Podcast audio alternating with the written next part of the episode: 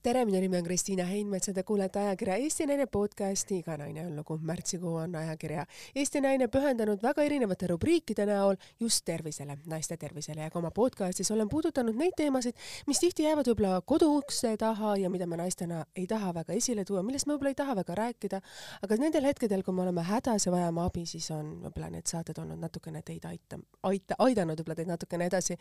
ja ma olen saanud väga palju kirju väga erinevatelt naistelt ja väga paljud on küsinud minu käest, et äh, keda ma soovitaksin advokaadina, et äh, viimase kolme aasta jooksul ma olen kokku puutunud väga erinevate äh,, noh, teeme otsast peale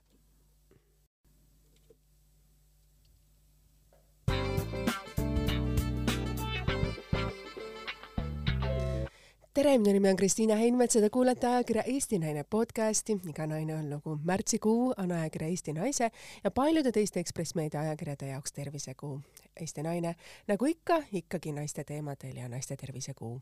olen toonud ka siin podcastis esile väga erinevaid teemasid, mis on olnud naiste jaoks olulised ja võib-olla tihti olukordades, millest me ei taha väga rääkida, aga kui me oleme hädas, siis me vajaksime abi.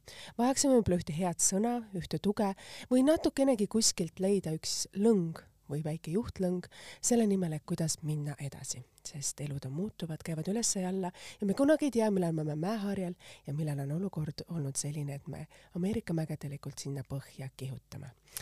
sellega seoses oli meil ka eelmine saade, mis oli võib-olla natukene avameelsem ja võib-olla veidi selline kriitilisem ja ma sain sellega seoses ka väga palju kirju, seega kallid naised, kes te mulle kirjutasite neid mitmeid kirju ehk kümneid või isegi võib öelda ligi sadakond, et seesama inimene, kes on olnud minule abiks viimasel ajal, kes on põhimõtteliselt hoidnud mind eelmise aasta augustist saadik saadik püsti, sest neid peenhäälestatud juriidikat on minul tulnud ka läbi kogeda naisena ja emana väga palju just viimase augusti aasta, augustist siis saadik. nii et Simo Soolo, Maria Mägi büroo, aitäh sulle, et sa oled olnud olemas, aitäh, et sa oled olnud minu tugi. nii et jah, Simo Soolo on olnud siis see inimene, keda ma võiksin siis teile soovitada, kes aitab, kuidas öelda siis teatud kriitilistes olukordades säilitada intelligentsus, säilitada ühiskonna poolt ette kirjutatud punased jooned, et nende kuidas öelda, lükkamine ei toimuks sellise kunksmooriliku kirvena äh,, lõhkumisena, vaid et ka vanemad ja ka väga sellises perevaidlustes säiliksid austus, lugupidamine ja eelkõige oleks esikohal siis laste heaolu.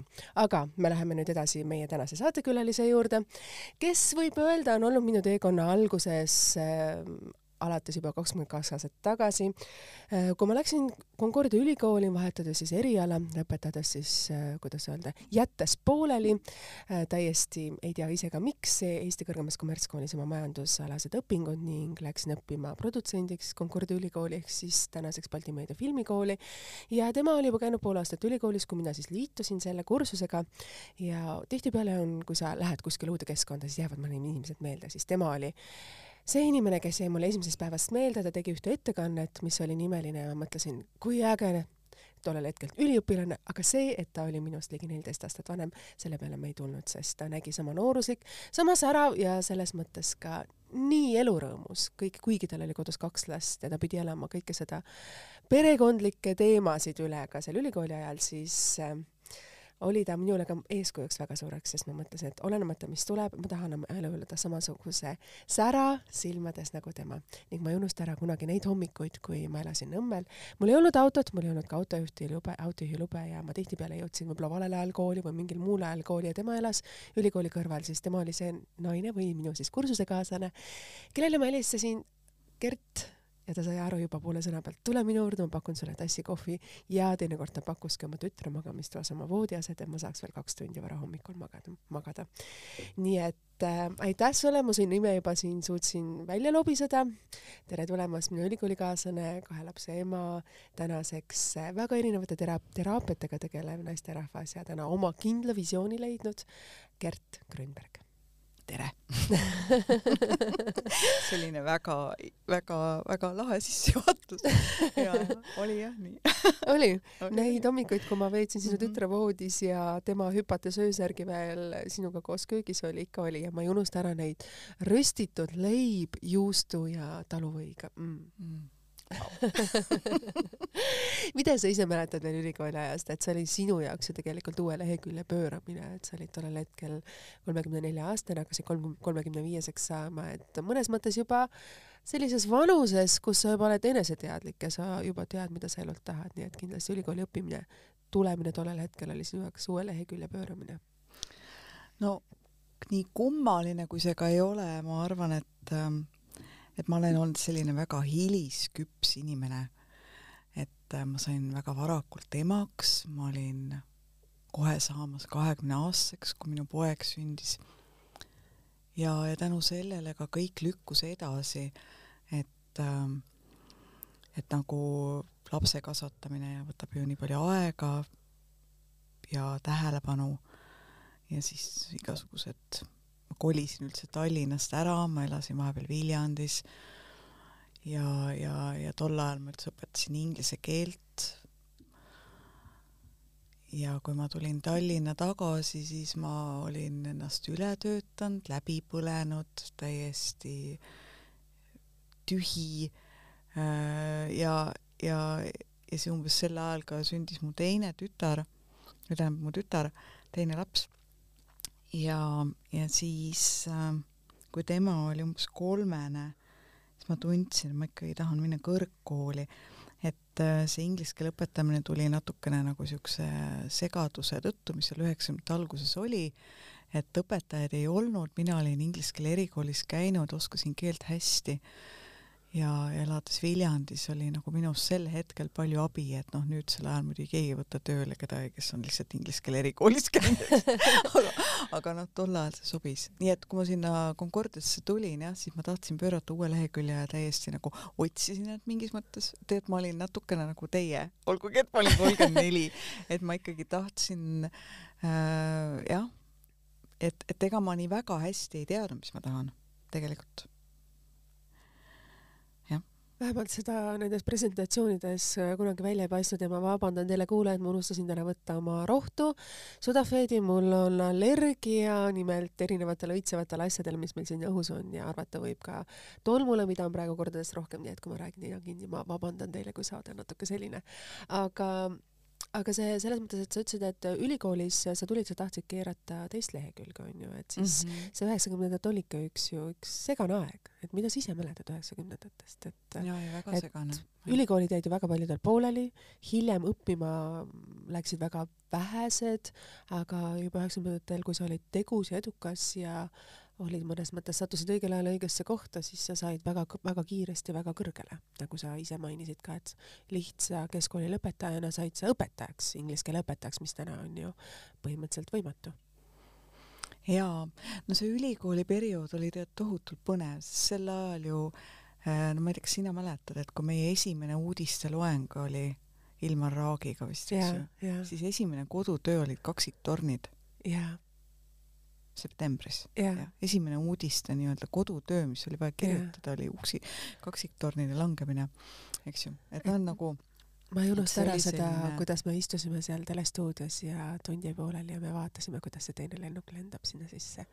me olime kõik seal koos, ma mäletan, meil oli täna mõnes mõttes ju samasugune olukord, kus me istusime ja vaatasime, kuidas rünnatakse meie riiki siinsamas lähedal, Ukrainat. jah, natuke sarnane olukord, jah tunne oli sees. aga tol ajal äh, no kõik, kõik see oli hästi uus ja hästi põnev ja hästi inspireeriv ja noh, nagu see oli niisugune tohutult intensiivne aeg.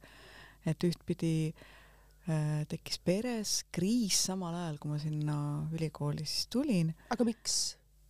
no, no jaa.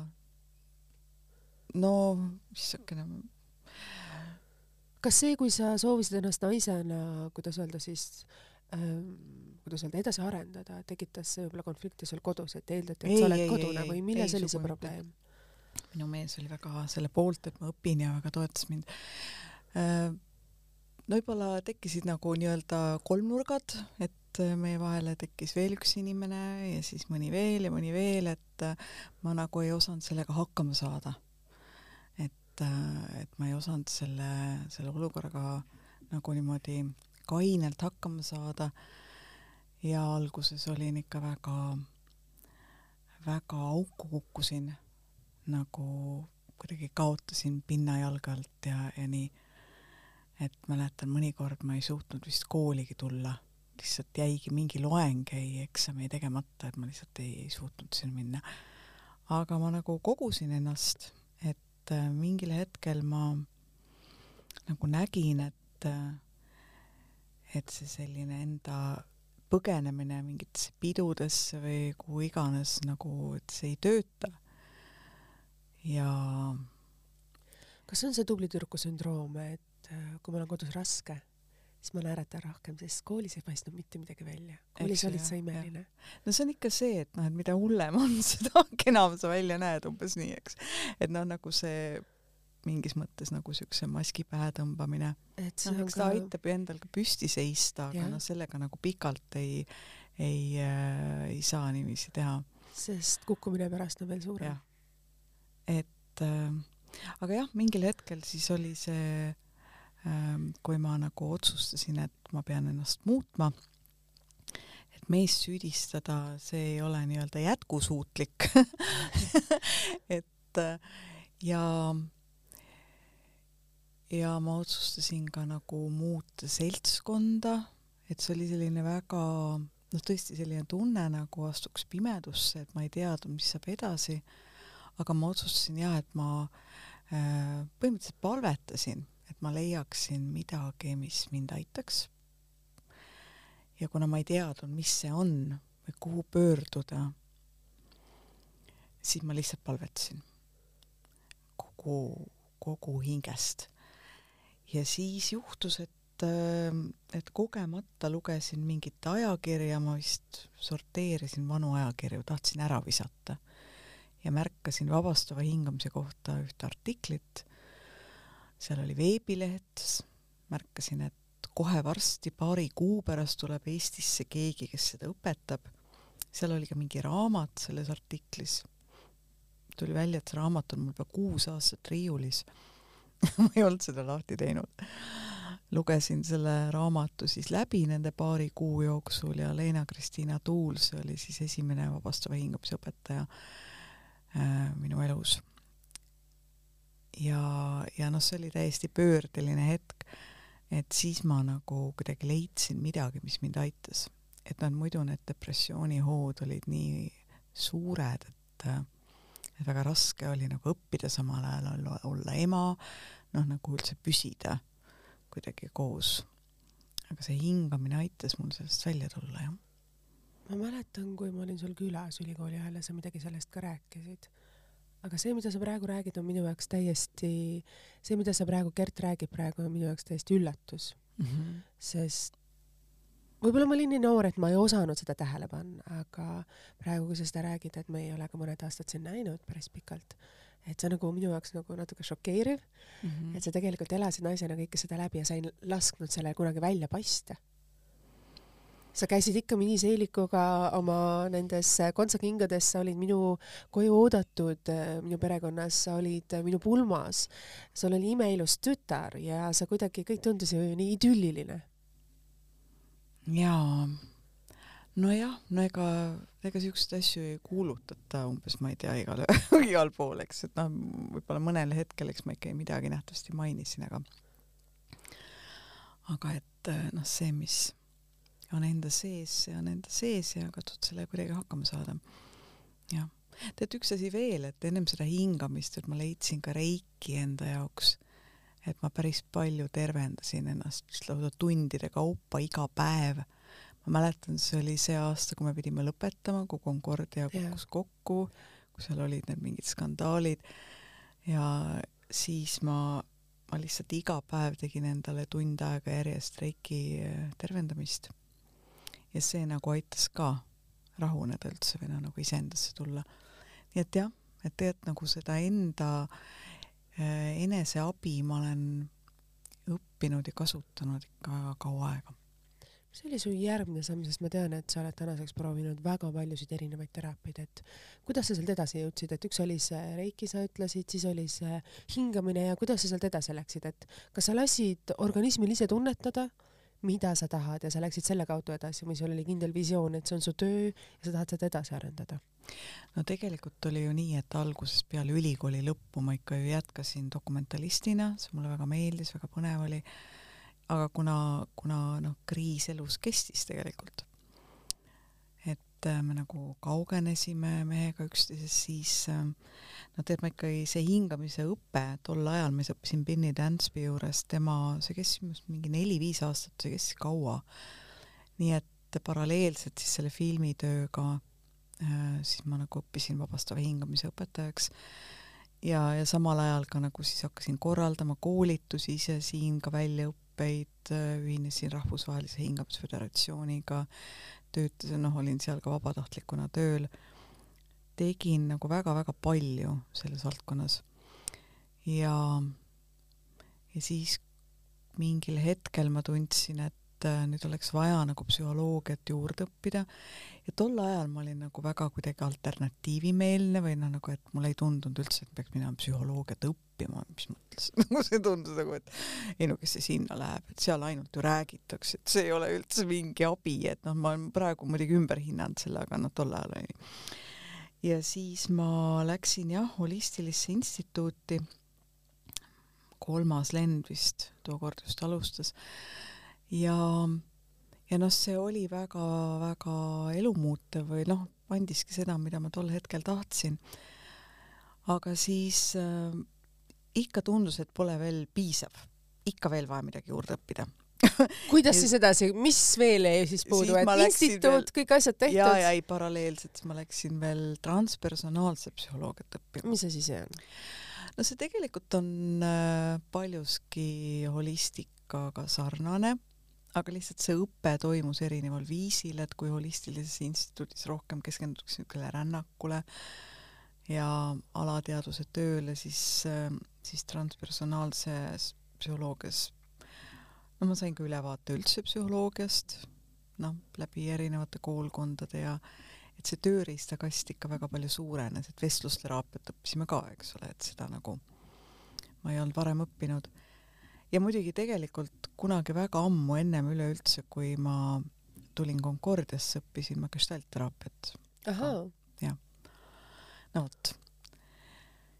nii et jaa, et noh, et see holistika ja transpersonaalne nagu täiendasid üksteist, et see oli väga-väga selline avardav ja hea tegelikult. no väga koormav, ma väsisin väga ära, sest ma õppisin paralleelselt ja samal ajal ise korraldasin siin veel hingamisterapeutide väljaõpet ja mingil hetkel õppisin ka treejuhendajaks, et noh, et see oli niisugune väga intensiivne periood ja see langes just sellesse aega, kui me lahutasime oma abielu. et siis oli jälle kriis no lihtsalt muutus, eks ole, et iga, iga selline kaotus ju äh, tekitab vajaduse muutuda ja sellest ka siis oli nagu tunne, et peaks veel midagi õppima, et nad saada nagu jalgu alla ja tõesti alustada tööd terapeudina. et mul juba oma kabinet oli, oma veebileht, aga, aga just nagu, et oleks mitmeid tööriistu. et ma arvan, terapeudina on oluline, et sul on nagu mitmeid tööriistu, et, et inimestel on probleemid ju erinevad. ja, ja ma arvan ka seda, et on nagu oluline, et lisaks sellele, et me töötame oma meelega või noh, nagu vestlusteraapia, on ka oluline kehatöö, ehk siis nagu hingamine või treevõimlemine, see on siis traumateraapia, just läbi keha trauma vabastamine.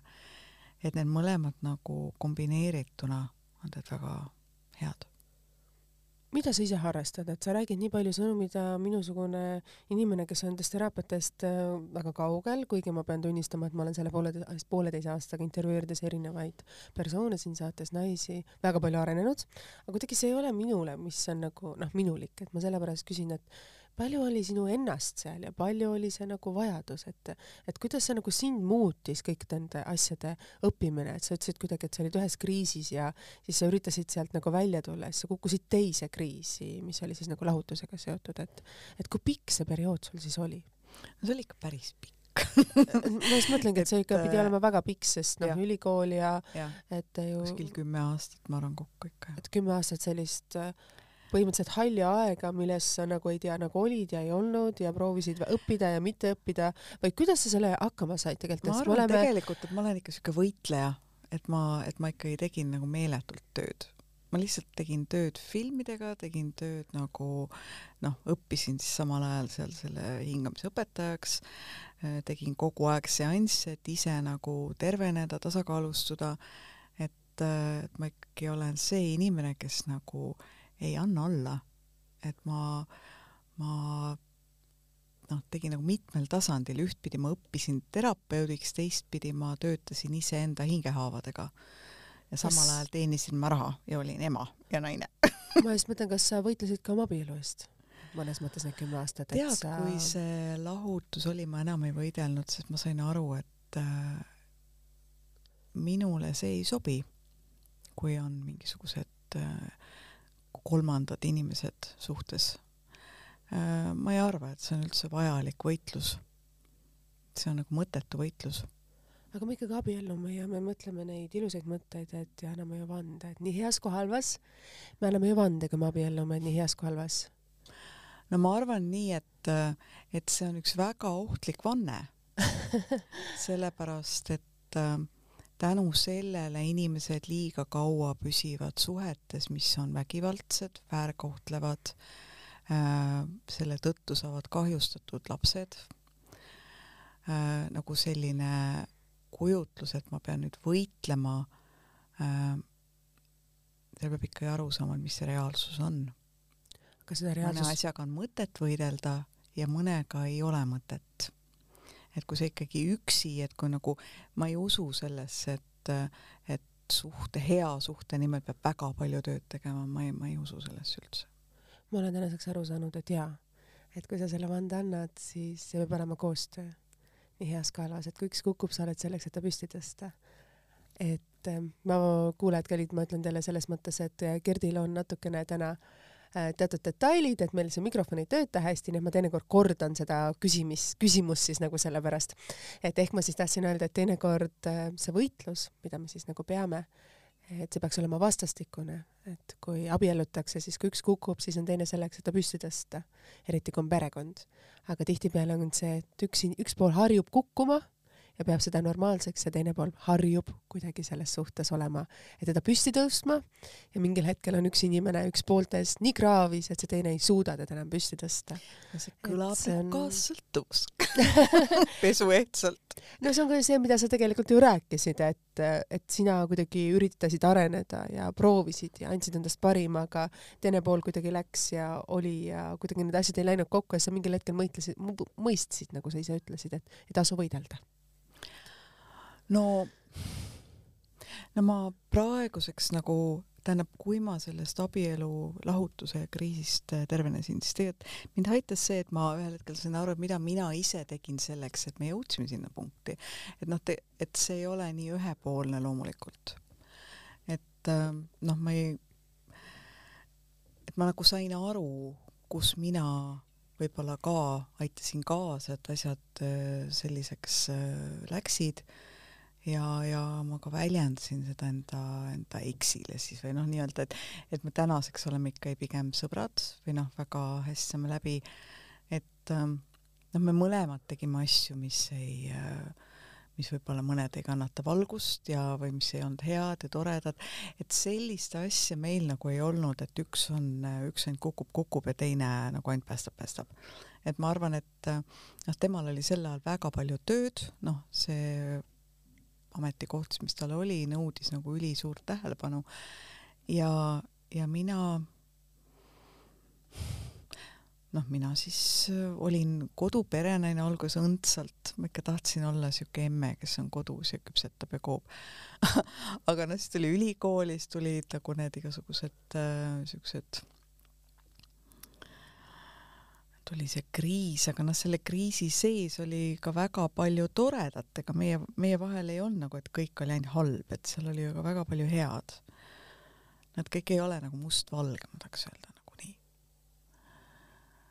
et ähm, mis oli esimene asi, kui see lahutus oli toimunud?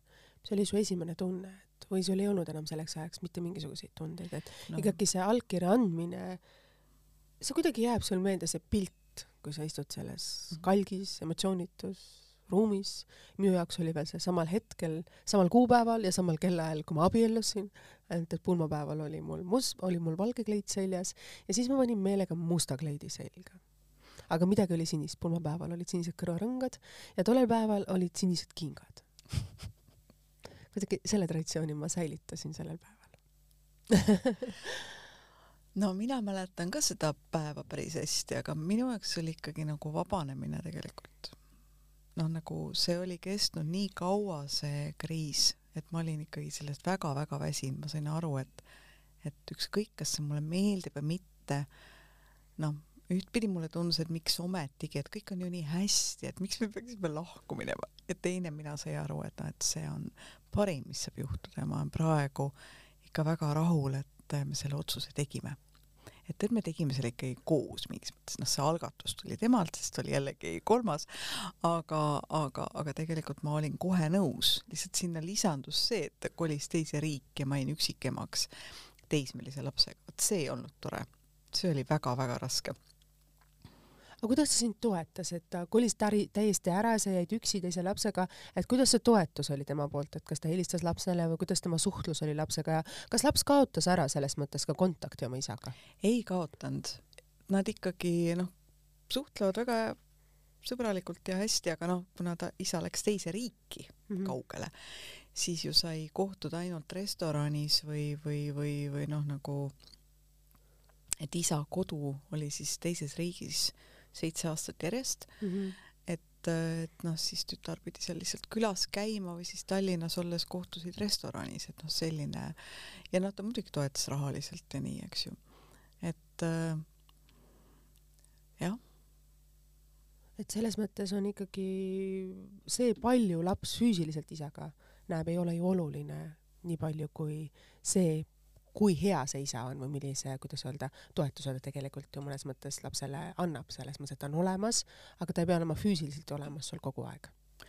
no ma ei tea, minu jaoks muidugi ma mäletan, et ma ikkagi tundsin seda, et, et oleks palju kergem, kui see isa oleks Eestis. miks? no no lihtsalt, et vahepeal siis saab tütar seal ka olla või noh, et ma, ma olin nagu kakskümmend neli hašš, olin nagu, olin äh, üksinda vastutav ja noh, kuna teismeline on teismeline, noh teistmoodi, et, äh, et siis äh, see oli keeruline, see oli noh, lihtsalt emotsionaalselt raske. Mina jälle vastupidi olen nii harjunud, et mul on kakskümmend neli tundi lapsed kogu aeg minuga. et need mõned päevad, mis mul on nendest eraldi, mul on okei okay,, aga mul on see hirm, mitte hirm, aga kuidagi see vajadus, et lapsed on minuga nagu väga suur. ja minul enda jaoks on olnud see aasta ikkagi väga raske, et ma olen ju täna nüüd tütrega kahekesi, poisid on nüüd nii suured, et nad soovisid isa juurde jääda. et selles mõttes mul on noh, endal olnud võib-olla vastupidiselt keerulisem. okei okay., no eks muidugi mul oli nagu seda üksi jäämise hirmu ikkagi ka alguses väga palju. et, äh, et see oli, mingi hetk oli see päris suur. Aga ma sain sellest jagu ja ma pean seda väga suureks võiduks. ma arvan, et noh, ma ei olnud ju kunagi üksinda elanud, mitte kunagi. ma tulin vanemate kodust ära, kui ma olin seitseteist, väga vara, ja kohe läksin suhtesse. ja liikusin suhtest suhtesse. nii et ma ei olnud üksi elanud. ja, ja seetõttu oli see raske alguses, ma ei osanud aga mind päästis äh, üks sõbranna, kes kutsus mind nagu metsa jalutama. siis ma õppisin metsas käima, sest ma elasin metsa kõrval ju. ja siis mingi hetk mõtlesin veel koera, ma hakkasin nagu metsas käima ja need pikad jalutuskäigud ja matkad kuidagi ma ei tea, see üksinduse hirm kadus ära. et ma nagu õppisin, tead mulle praegu tundub niiviisi, et kui me, kui me kardame üksi olla, siis me tegelikult oleme iseennast maha jätnud.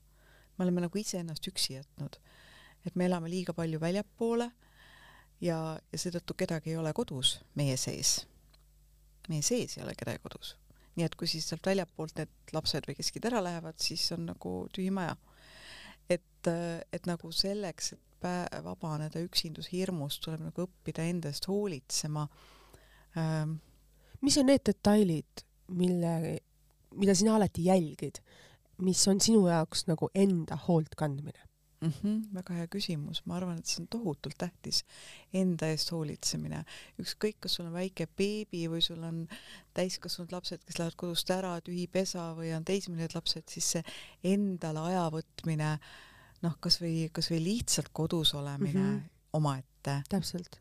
või, või, või sõpradega kohtumine või no sinna alla, ma arvan, kuulub ka tegelikult äh, jooga näiteks, meditatsioon, hingamisharjutused, kõik sellised praktikad, mis meil aitavad tasakaalustada. sest et eh, noh, üksindushirm on ju ka seotud ärevusega, eks ole, et praktikad, mis meil aitavad ärevust maandada, on äärmiselt tähtsad.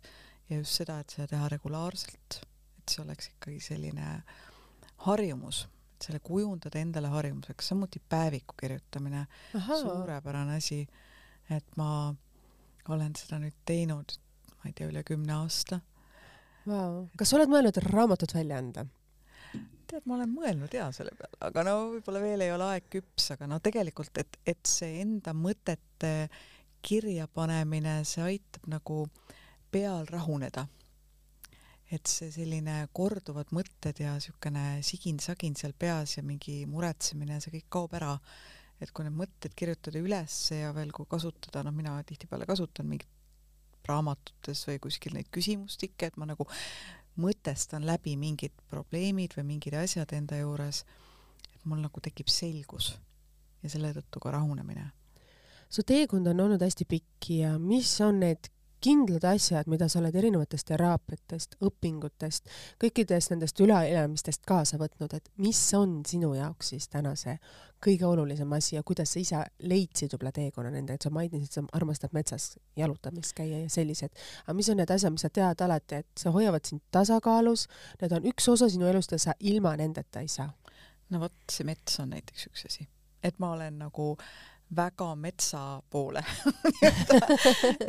metsateemad lähevad mulle väga korda, mulle läheb korda, kui valitsus otsustab, et äh, pesitsusrahu äh, ära keelata või noh, et seda ei tule.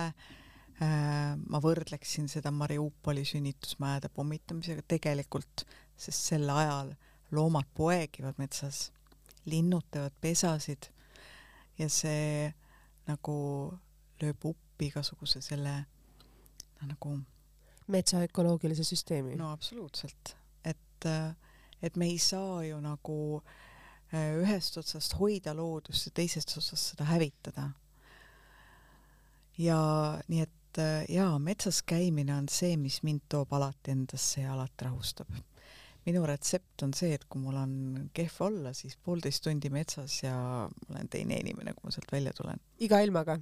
Absoluutselt iga ilmaga. kuidas talvel hakkama saad? aa, koer. mul on ju koer talvel poolteist tundi koeraga metsas. iga ilmaga. Äh, õiged jalanõud, õiged riided ja, ja, ja no nii, ja siis ka loomulikult meditatsioon, jooga, päevik, kõik need asjad, mida ma mainisin. et nagu see on äh, nagu normaalsus. sinu selline naiseks olemise boks, mis on vajalikud selleks, et sa oleksid stabiilne ja saaksid hakkama iseendaga. kui sa ütlesid seda, et inimesed kardavad olla üksinda ja kui sina olid ka üksinda selles mõttes, et kuidas nagu sellest üle saada? sest üksildust on väga palju.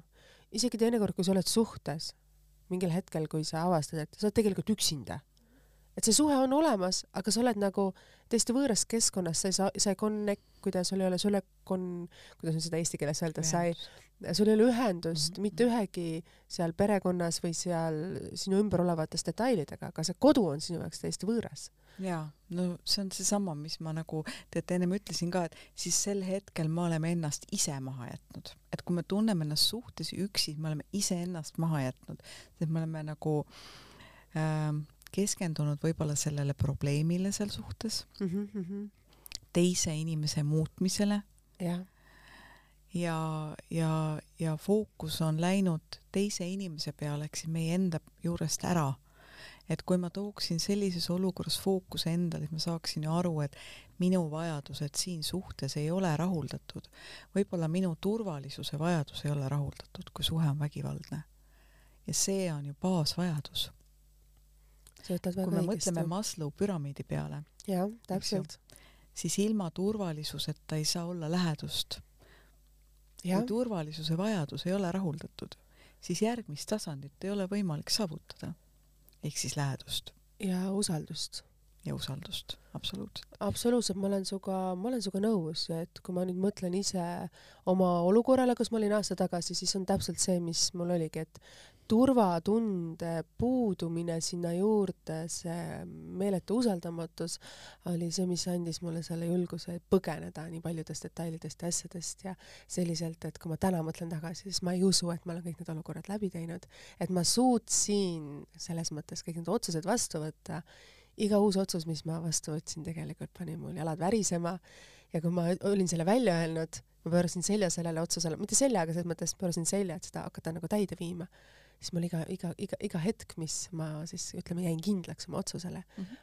mul jalad värisesid nii kohutavalt, siis ma ütlesin, ma ei tea, kas ma saan hakkama, ütlesin, aga mul ei ole tagasiteed. ja just täpselt, eks ju. et see on võib-olla no, jah, see hetk, kui sa tunned, et sul on karikas nii täis, et isegi vihmapiisk või see väike piserdus enam sinna ei mahu ja kuidas sa siis said ja.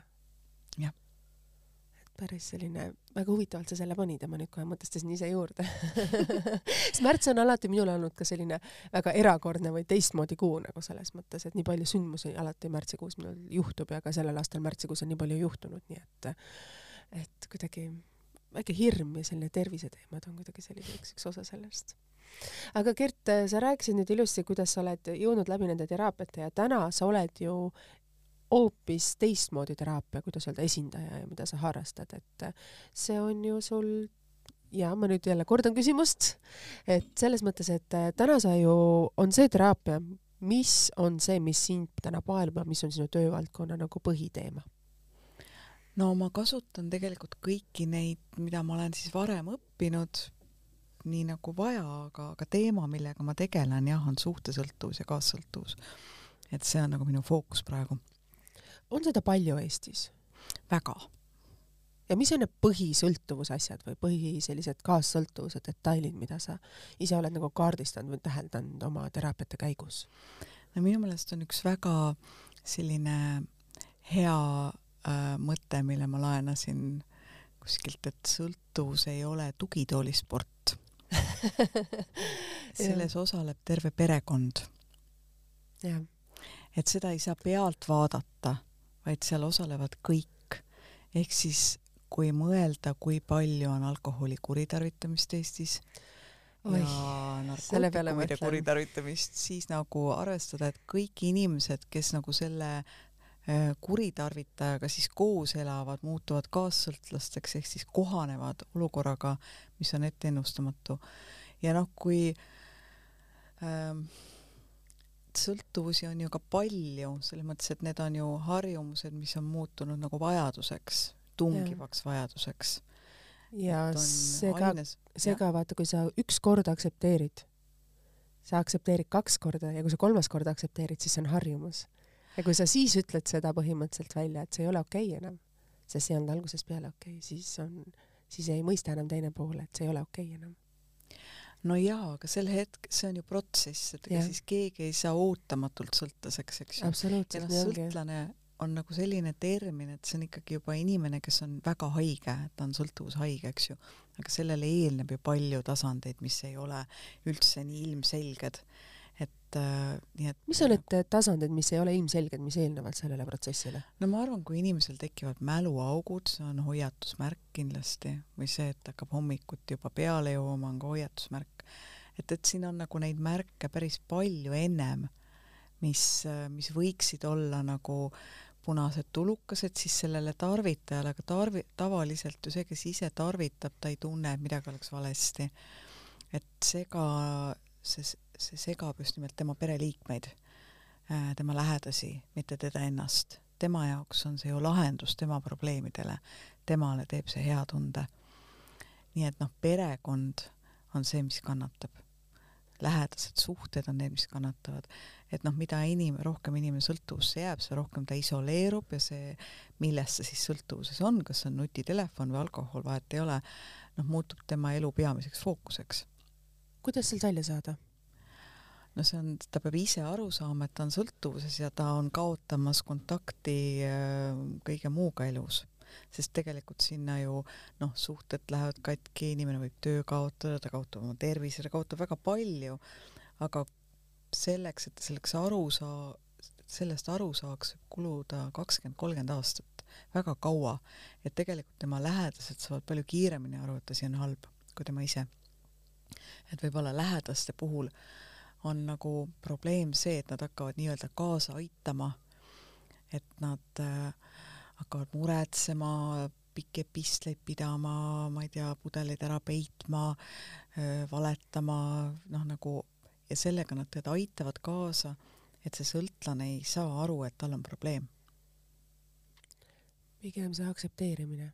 mõtled, et ah, korra juhtus, aga kui seda juhtub juba tihedamini, siis mingil hetkel seda enam ei saa öelda, et see ei ole okei okay, ju. no võib-olla pereliikmed peaksid saama aru, et millal, kas ma saan siin veel elada või ei, noh, tegelikult ju. et kas see, kas see inimene on nõus minema ravile või ei ole. kui ta ei ole nõus minema ravile, kui ta ei arva üldse, et see on tähtis, ega seal ei ole eriti palju valikuid.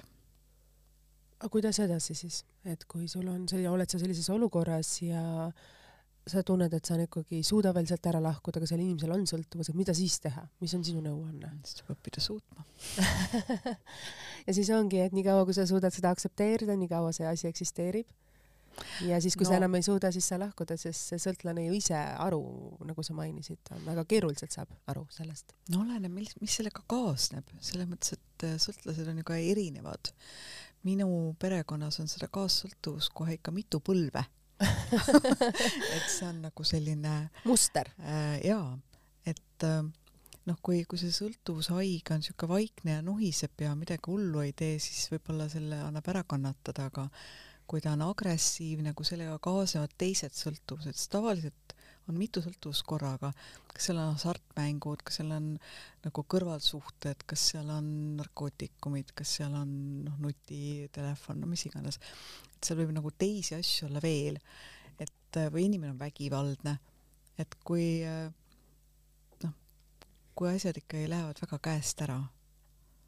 mida sina alati oma teraapiasse tulnud inimestele sellel puhul soovitad? no ikka reaalsusele on vaja otsa vaadata et mis see minu reaalsus praegu on. väga õigesti ütled, minu reaalsus, minu reaalsus on see, mis ei pruugi olla kõrvaloleva inimese Jaa, reaalsus ja see ei ühildu. vajaduste eest seisma, mis on see minu reaalsus mm -hmm. ja minu laste reaalsus, milles me elame. kas see on turvaline? turvalisus on küsimus. väga hea sõna, mida sa täna saates mainid. kui kui sinu pikk on sinul endal olnud see teekond ja kui sa mõtled täna sellele olukorrale, kus sa oled, sest kui me alustasime seda saadet, siis sa ütlesid, elu algab. miks sa alles selle lause täna ütled sellepärast, et äh, ma olen enda, ma olen nagu nüüd tunnen, et ma olen enda fookuse ja tee leidnud. nüüd ma nagu näen, et see, mis ma teen, et see on nagu see asi, see minu asi sinu teekond on jõudnud sinna, kus sa võib-olla kahekümnendal, kahekümnendatel eluaastatel ootasid? no isegi vist mitte kahekümnendad, võib-olla hiljem millalgi mul hakkas nagu tulema see tunne, ma tahan teha mingit oma asja, et ma olen üsna isepäine, aga ma olen niisugune, tahan ikka oma asja teha, et ma äh, nagu enda moodi või. et äh, ma olen liikunud sinna suunas alguses väga intuitiivselt ja järjest selgemaks on see vormunud. et praeguseks on see minu jaoks nagu väga selge nii et elu algab sul täna, mis on võib-olla need detailid peale su töö, mida sa täna naudid kõige rohkem, et sul on lapsed on suured selles mõttes ja nagu ma saan aru, sul on töö täna lõpuks see, mida sa armastad, aga mis on veel su elus nagu sellist, mis on sinu jaoks oluline? Jazz. Jazz kuidas nii uh,? see on muusika, mis lihtsalt mind teeb äh, õnnelikuks, nagu tohutult vabastav. Nii et äh, jah, džäss ja klassikaline muusika, aga noh, peamiselt džäss jah. Sul on ju väga šarmantne ema, kas see muusikaarmastus võis ka temalt tulla ja see kunstiarmastus?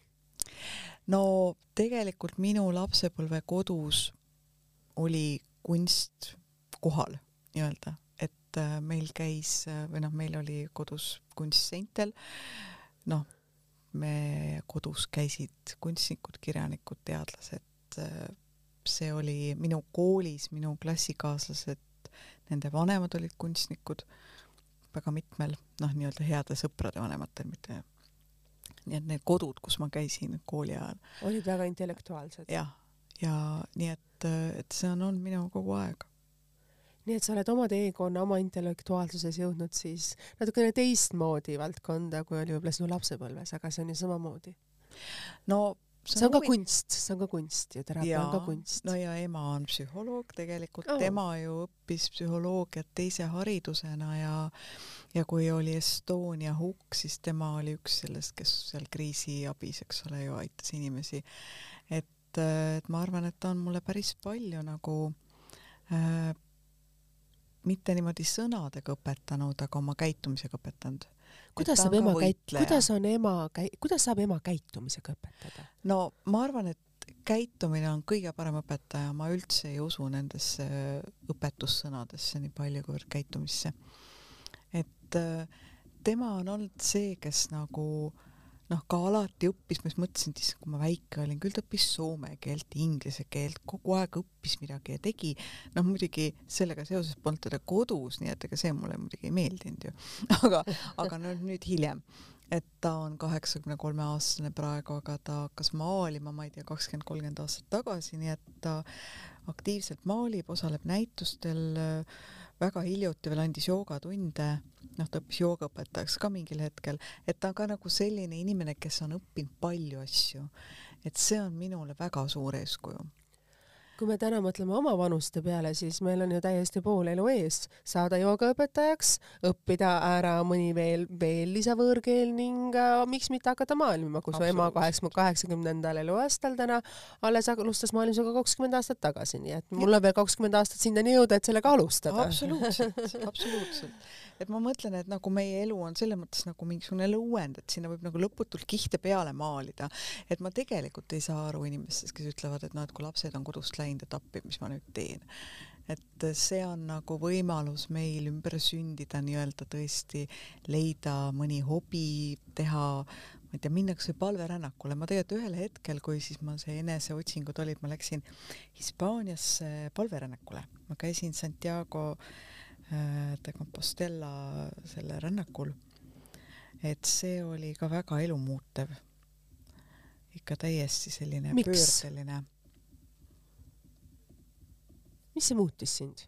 et äh, mis oli selle palve, palverännakul sellist, mis ta sulle andis, et mul on ka väga paljud tuttavad, kes on just kriisihetkedel läinud palverännakule mm -hmm. ja nad on öelnud, et nad on vajanud nagu seda äh, täiesti enda või üksi olemise energiat ja võib-olla seda raskust, füüsilist raskust, et sa vaatad selle elu peale siis palju kergemalt igat päev, igapäevasele võib-olla detailile ja asjale, mõtled, see ei ole polnudki nii raske, kui oli see kümme kilomeetrit nende täiesti katkiste jalgadega mööda seda, kuidas öelda, vihma tuleb taevast alla ja sa pead mööda üles mäge minema, et see on füüsiliselt, see raskus on sul nii suur, mis teeb pärast kõik sul helgematesse toonidesse see oli mul siiamaani meeles, kui ma kuskil seal äh, Baskimaal kõndisin läbi meeletu vihmane, see oli lihtsalt täiesti nagu kose all kõnniks äh,.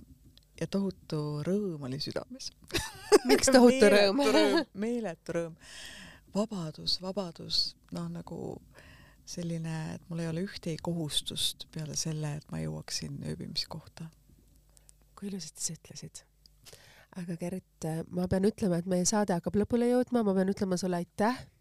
aitäh, et sa tulid saadetesse, et sa jälle rääkisid väga isiklikest teemadest, et sa avasid ukse väga sellistele intiimsetele teemadele, mis ilmselt äh, nende rääkimine mõjutas ka meie saate tempot väga aeglaseks ja väga selleks mõt-, mõtiskluseks, sest äh, selleks, et avada oma hinge on teinekord raske ja keeruline ja sa mõtled võib-olla viis korda, enne kui sa selle sõna välja ütled, sest äh, on nii palju detaile ja asju, mida me mõistame ise sellisena täpselt nagu nad on ja kõrval olevad inimesed võib-olla mõistlevad seda teistmoodi ja ja sa teinekord mõtled, kas seda kõike on vaja, et võib-olla tasuks panna kõik need filtrid ette, aga sina seda täna ei teinud, nii et aitäh sulle selle aususe eest. aitäh ja ma väga loodan, et see, et me siin vahepeal oleme kuidagi selle kontakti kaotanud, siis ma loodan väga, et see üksteisel külas käimine, ma loodan, on mitte, mitte enam lapsetoas magamispakkumine, vaid ikkagi see tassikene rohelist teed ja metsajalutuskäigud tulevad nüüd meil taas plaani võtta. Nii et aitäh, Gert, veel kord, et sa saatesse tulid, aitäh teile kuulajad, kes te olite minuga. Ja märtsikuu on olnud tervisekuu, nii et kes veel tahab ja võib, minge tehke üks tervisetest endale ära, ma pean ütlema, et mina ise tegin endale selle ära. mul tuli täiesti juhuslik kiri, kuidas öelda siis, potsatas mailbox'i, kas sa tahad, tule. ma proovisin, nii et ma pean ütlema siin veel, ma tavaliselt seda ei tee, aga ütlen aitäh Synlab, aitäh teile taaskord, sest ma pean ütlema head aega croissantidele, mul on toidutalumatus teatud detailide vastu. Ja isegi kui see talv on nii armas ja ma armastan seda teed ja seda saiakesi ja siis ma tean, et see mul tegelikult hea ei ole ja see mõjub mu organismile. mul on ka omad teatud asjad, mis mul, millest see siis väljendub. ja kui sa saad selle vereanalüüsi ja sa näed, et seal on, on täpselt need allergogeenid on kõrged ja sa tead, miks nad on seal kõrged, siis äh, sa vaatad croissantide peale. aitäh teile, kohtume teiega võib-olla taas sügisel, praegu tuleb oma tervis esikohale seada, nii et aitäh Synlabile, nii et need küpse naise tervisepaketi ma siis tegin, silm küll natukene tõusis, aga jah vanus on ka selline, et äh, teinekord juba teatud detailid käivad ka kaasas minuga. veel kord, kallid kuulajad, aitäh teile, et kuulasite seda saadet, kohtume teiega taas kord nädala pärast ja siis juba äh, võib-olla mitte enam nii tervislikemal teemadel, vaid naiseks olemistel teemadel, võib-olla natukene kergemalt, võib-olla natukene selliselt säravamalt ja kevadistes õhemates toonides. aitäh teile, kallid kuulajad ja veel kord kohtume nädala pärast, saade on ikka saadaval tasku Delfi keskkonnas, SoundCloudis ja Spotify's. nägemist. thank you